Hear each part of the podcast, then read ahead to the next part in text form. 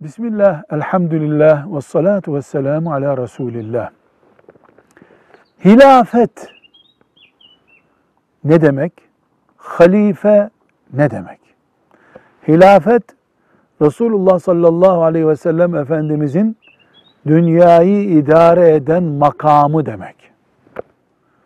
Halife de Resulullah sallallahu aleyhi ve sellem'den sonra Müslümanları idare eden yönetici demek.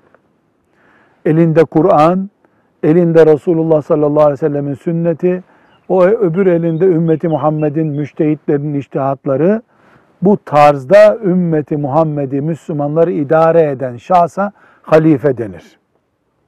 Halife Müslümanların yöneticisidir.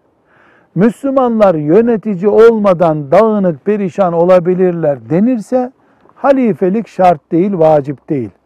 Müslümanlar kadar bir arada olması zorunlu olan kimse yoktur. Hiçbir ırk yoktur, hiçbir ülke yoktur bu dünyada deniyorsa ki öyle olması lazım.